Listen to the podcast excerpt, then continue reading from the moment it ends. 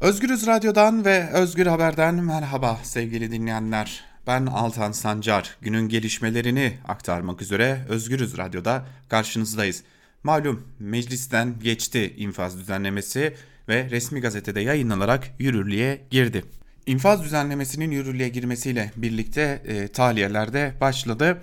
Dilerseniz şimdi biraz ayrıntılarıyla bu tahliyelere bakmak gerekiyor sevgili dinleyenler. E, kimler bu yasadan yararlanıyor, kimler çıkınca e, neler olabilir, kimler yararlanmıyor buraya ayrıntılarıyla bakalım. Aslında kimler yararlanmıyor sorusunun cevabı çok net. Gazeteciler, siyasi tutuklular yararlanamıyorlar. Osman Kavala yararlanamıyor, gazeteciler yararlanamıyor. Selahattin Demirtaş gibi tutuklu siyasetçiler yararlanamıyor. Tweet attıkları e, nedeniyle tutuklu olan hiç kimse yararlanamıyor. Ama bunun karşısında çok çeşitli bir skalada yer alan suçlular yararlanıyor. Özellikle de hükümlüler yararlanıyor.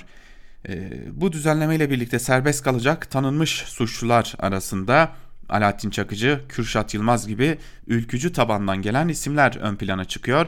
Zira mafya ve çete gibi organize örgüt suçundan hapse girenlerin cezasında bir defaya mahsus olmak üzere bu yeni düzenlemeye göre 3 yıl indirim yapılacak. Yasanın çıktığı tarihte cezasının bitimine 3 yıl kalanlar da hemen tahliye edilecekler. Kimler mi? Çiftlik bank dolandırıcısı Mehmet Aydın gibi isimler de firari olsalar dahi Türkiye'ye gelerek yargılanmaları durumunda verilen cezanın sadece yarısını yatacaklar ve yarısından 3 yılı da denetimli serbestlik süresinden yararlanmış olacaklar. Dolayısıyla örneğin 18 yıl hapis cezası alan bir kişi sadece ama sadece 6 yıl hapiste kalmış olacak.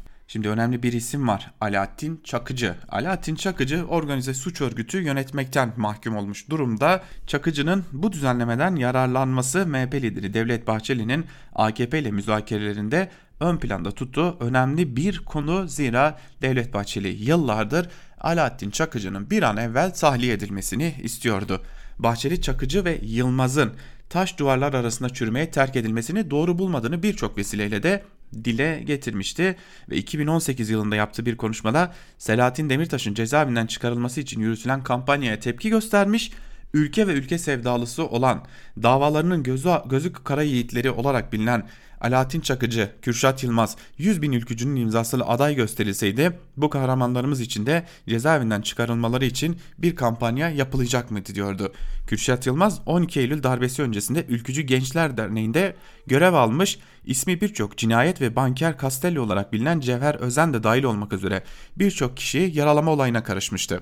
17 Nisan 1999'da Türkiye'ye iade edilen ve Kartal özel tip kapalı cezaevine konulan Yılmaz, aynı yılın Temmuz ayında Kuşadası eski belediye başkanı Lütfi Su yolcuyu öldüren tetikçi Fırat Erdoğan'ı azmettirme gerekçesiyle ağırlaştırılmış müebbet hapis cezasına çarptırılmıştı. Diğer isim Sedat Peker. Ee, biliyorsunuz AKP'li, AKP muhalif olan kesimlere yönelik çok ağır tehditleri vardı. Barış akademisyenleri için kanlarında duş alalım e, gibi açıklamaları da bulunuyordu. E, bu da dikkat çekiciydi. Sedat Peker bir süredir üzerinde 10 gramdan az uyuşturucu bulunduran kişilerin aftan yararlanması konusunda MHP liderine çağrıda bulunuyordu. 1997'de Rize'de kaçakçı Abdullah Topçu öldürmek suçundan savcı karşısına çıkan ve serbest bırakılan Peker, tehditle tahsilat yapmak, zorla alıkoymak, adam öldürmeye azmettirmek ve benzeri suçlardan da birçok kez yargılandı. Son olarak 10 Mart 2010 tarihinde özel yetkili mahkemelerin kararlarına ilişkin yasa değişikliği ve tutukluluk süresinin 5 yılı aşması sebebiyle tahliye edilmişti. Geçtiğimiz aylarda da yurt dışına kaçmıştı.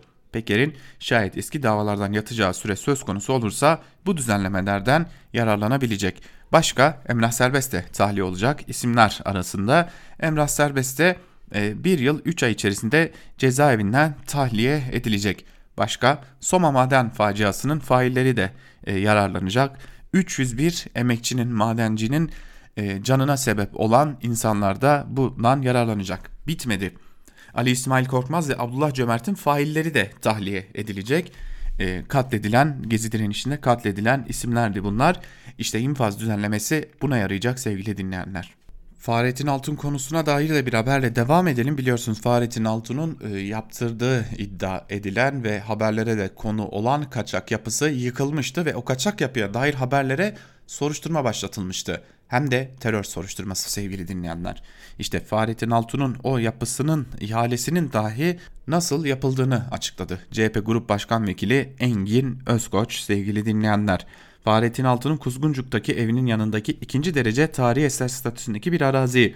Üzerinde kaçak olarak yaptığı düzenlemelerin İstanbul Büyükşehir Belediyesi ekiplerince yıkıldığı gün kiralamasına dikkat çekerek ihaleye sadece Fahrettin Altun'un katılması için ihale saatinin açıklanmadığını belirtti.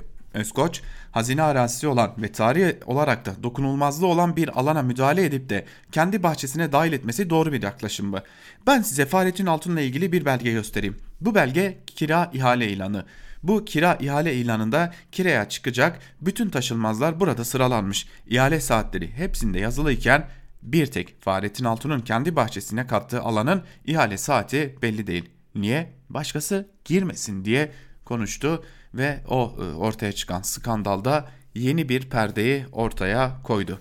Geçelim bir diğer haberimize. Gazeteci Fatih Portakal biliyorsunuz Fox TV ana haber bültenini sunuyor ve muhalif kimliğiyle biliniyor. En azından iktidara muhalif kimliğiyle biliniyor ve Türkiye'nin en çok izlenen ana haber bültenlerinden birini sunuyor Fatih Portakal ve Rütük Fatih Portakal'ı susturmak için harekete geçti. Radyo Televizyonun üst kurulu dün yaptığı toplantıda Fox ana habere 3 kez yayın durdurma cezası verdi. Rütük üst kuruluna yapılan son toplantıda Fatih Portakal'ın sunduğu Fox ana haberdeki 30 Mart, 31 Mart ve 1 Nisan tarihlerinde yayın ihlali iddiaları gündeme geldi.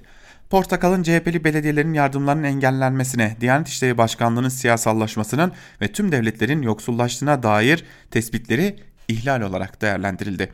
Burayı şöyle toparlayalım. AKP'ye yönelik tüm eleştirileri ihlal olarak değerlendirildi. Bir günden Hüseyin Şimşek'in haberine göre yayın reklam gelirlerinin %3'ünün ceza bedeli olarak alınmasına ve 3 kez ana haber bülteni yayınının durdurulmasına karar verildi.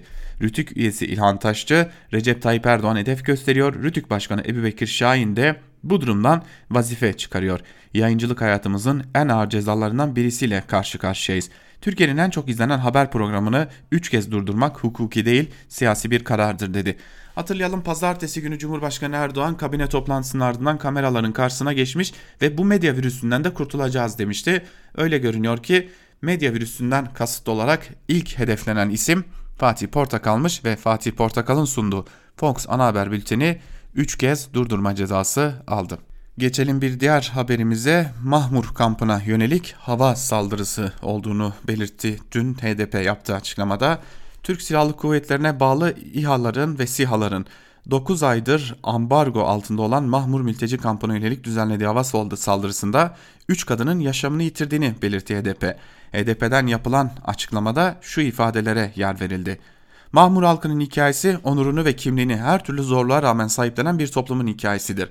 Her fırsatta Mahmur'a yönelik gerçekleştirilen bu sistematik saldırıların gerekçesi bu onurlu duruşa karşı duyulan kim ve öfkedir. Bu saldırı mültecilerin topraklarını terk etmesine sebep olan 90'lı yılların karanlık zihniyetinin yarım bıraktığı işi tamamlama girişimidir. Halka yaşam hakkı tanımayan bu saldırganlık özgürlük ve demokrasi mücadelesini yükseltme sorumluluğumuzu büyütmektedir. Mağdur ve mazlum Mahmur halkının yanında olduğumuzu bir kez daha yineliyoruz. Bölge yönetimine ambargoyu en kısa zamanda kaldırması çağrısında bulunurken Türk Silahlı Kuvvetleri'nin bugün gerçekleştirildiği saldırıyı en sert biçimde kınıyoruz dedi HDP Merkez Yürütme Kurulu yaptığı açıklamada. Ve geçelim Türkiye'deki koronavirüs gündemine. Koronavirüse dair son tabloyu da Sağlık Bakanı Fahrettin Koca yine dün gelenekselleşen şekilde kendi şahsi Twitter hesabından açıkladı. Bakan Koca açıklamasında şunları kaydetti. Vaka sayısındaki artış hızı yoğun bakım ve solunum desteği ihtiyacı olan hastaların sayısındaki artış hızı sabit kalma eğiliminde. 875'i son 24 saatte olmak üzere 5674 hastamız taburcu edildi. İki gücümüz var. Tedbir ve tedavi gücümüzü kullanalım dedi. Alışa geldik cümleleri tekrarladı. Peki tablo neydi? Dün itibariyle gerçekleştirilen test sayısı 34.090 olarak belirlendi ve tespit edilen vaka sayısı ise 4281 olarak açıklandı. Dün yaşanan can kayıpları 115 kişi olarak açıklandı. İyileşenlerin sayısı ise 875 kişi olarak açıklandı. Böylelikle Türkiye'de toplam test sayısı 477.716'ya yükselirken toplam vaka sayısı 69.392'ye, toplam can kaybı sayısı 1518'e, toplam yoğun bakımda yatan hasta sayısı 1820'ye, toplam entübe edilen hasta sayısı 1052'ye ve iyileşen hasta sayısı da 5674'e ulaştı. Şimdi burada bir parantez açarak şunu da belirtelim. Geçtiğimiz günlerde Sağlık Bakanı Fahrettin Koca da yaptığı açıklamada şunu kaydetmişti. Testlerin %10'u mükerrer yani yanlış yapılan ya da tekrarlanan testler. Bu nedenle 477 binin %10'unu hesapladığımızda öyle görünüyor ki 47 binden fazla test bir biçimde tekrarlan, tekrarlanmış durumda. Yani bugün itibariyle Türkiye'de gerçekleştirilen esas test sayısı 430 bin civarında. Şimdi önemli bir diğer konu sevgili dinleyenler biliyorsunuz Türkiye önlemleri hafiflet, hafifletmeye hazırlanıyor gibi bir izlenim var. Sağlık Bakanlığı'ndan gelen açıklamalar bu yönde öte yandan ekonomi yönetiminin de önlemler hafifletilsin diye çağrıları baskıları olduğunu biliyoruz. İşte tam da bu dönemde Dünya Sağlık Örgütü önemli uyarılarda bulundu. Dünya Sağlık Örgütü sokağa çıkma yasaklarını hafifletmeyi düşünen ülkelere uyarılar sıraladı. Bu uyarılardan bazıları şöyle. 1.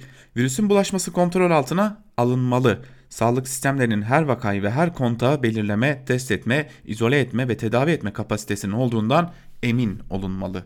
Salgın riskleri sağlık merkezleri ya da huzurevi gibi yerlerde en aza indirilmeli. İş yerleri, okullar ve insanların gitmesinin zaruri olduğu diğer yerlerde önleyici önlemler artırılmalı. 5. Yurt dışından ülkeye virüs girişi halinde durum yönetilebilir olmalı. 6. Toplum yeni gerçeklikle ilgili olarak eğitilmeli, güçlendirilmeli ve sürece dahil edilmeli.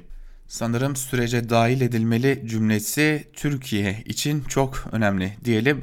Tabi dünyadan da önemli veriler var. Dünyada da e, önemli sayılar artıyor.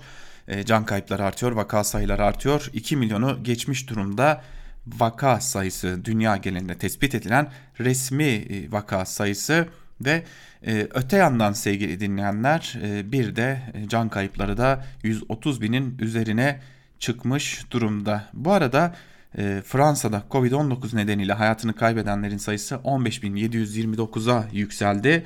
Ülkede pandemiyle mücadele kapsamında alınan sokağa çıkma yasağı da 11 Mayıs'a kadar e, devam ettirildi. Birleşmiş Milletler sosyal medya platformlarını da etkin mücadeleye çağırdı. Birleşmiş Milletler Genel Sekreteri Antonio Guterres sosyal medya platformlarını koronavirüs pandemisiyle mücadele kapsamında yalan ve yanlış haberlerle daha etkin mücadele etmeye çağırdı. Guterres dün yaptığı bir yayınladığı bir videoda koronavirüsle ilgili yayılan yanlış ve yanlış ve yalan haberlerle mücadelede sorunu kökten çözmek gerektiğine işaret ederek komplo teorilerinin ve salgına dair yalan ve yanlış haberlerin internette hızla yayılıp belli insanları ve grupları damgaladığına vurgu yaptı.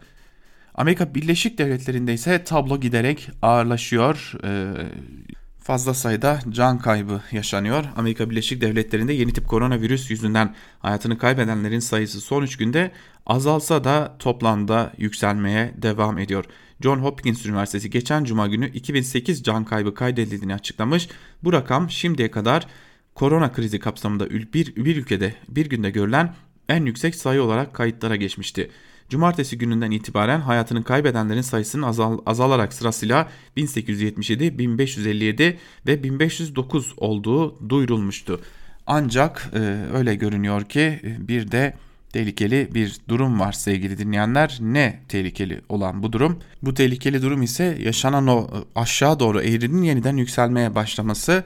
Çünkü dün itibariyle Amerika Birleşik Devletleri'nde 2410 kişi daha koronavirüs nedeniyle hayatını kaybetti. Böylelikle ABD'deki can kayıplarıyla da dünya genelindeki can kayıpları 130 binin üzerine çıkmış oldu sevgili dinleyenler. Bu haberle birlikte Özgürüz Radyo'da Özgür Haber Bülteni'ni şimdilik noktalıyoruz ancak gelişmeleri aktarmak üzere tekrar karşınızda olmayı sürdüreceğiz. Ve bu arada hatırlatalım bizim hemen ardımızdan genel yayın yönetmenimiz Can Dündar Özgür Yorum ile karşınızda olacak sevgili dinleyenler. Hatırlatalım gün içerisinde de bizler gelişmeler oldukça bu bültenlerle karşınızda olmayı sürdüreceğiz. Özgürüz Radyo'dan ayrılmayın. Küçücük bir ara şimdilik hoşçakalın.